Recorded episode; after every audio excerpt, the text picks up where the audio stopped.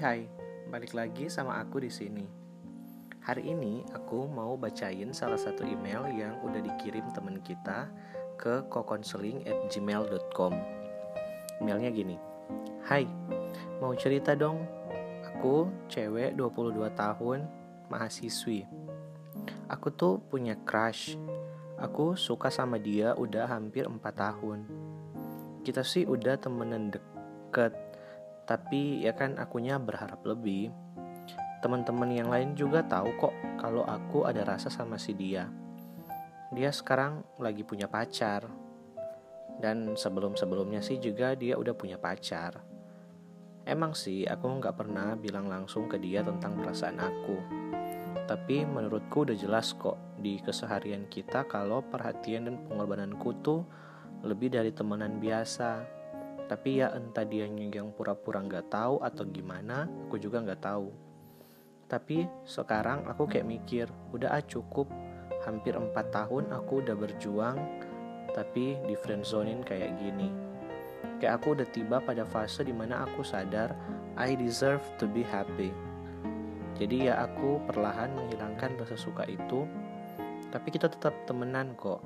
And I think it's better Mungkin itu dulu ceritaku. Karena itu buat teman-teman yang lagi berjuang di luar sana, ingat you deserve to be happy. Thank you kak. Oke okay, thank you teman kita yang gak nyebutin nama, yang udah berbagi ceritanya.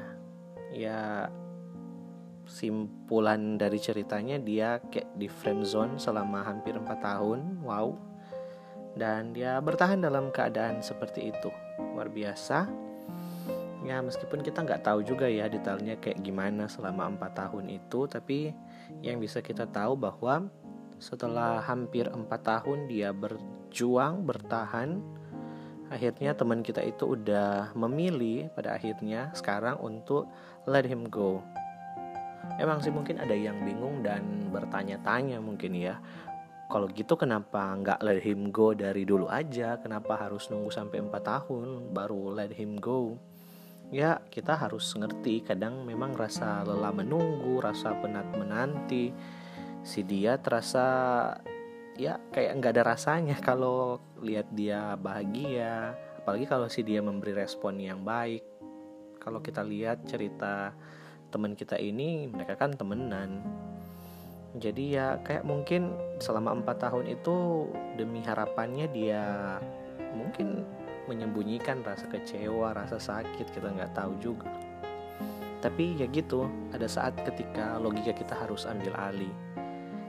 Ketika perjuangan, ketika pengorbanan kita tidak lagi ya dihargai, we have to consider to stop it. Kita harus mulai mempertimbangkan udah waktunya mungkin aku untuk berhenti. Karena itu mengakhiri episode kita hari ini mungkin mau ngingetin aja menjaga kebahagiaan si dia sih boleh, tapi jangan pernah lupa untuk menjaga kebahagiaan kita juga.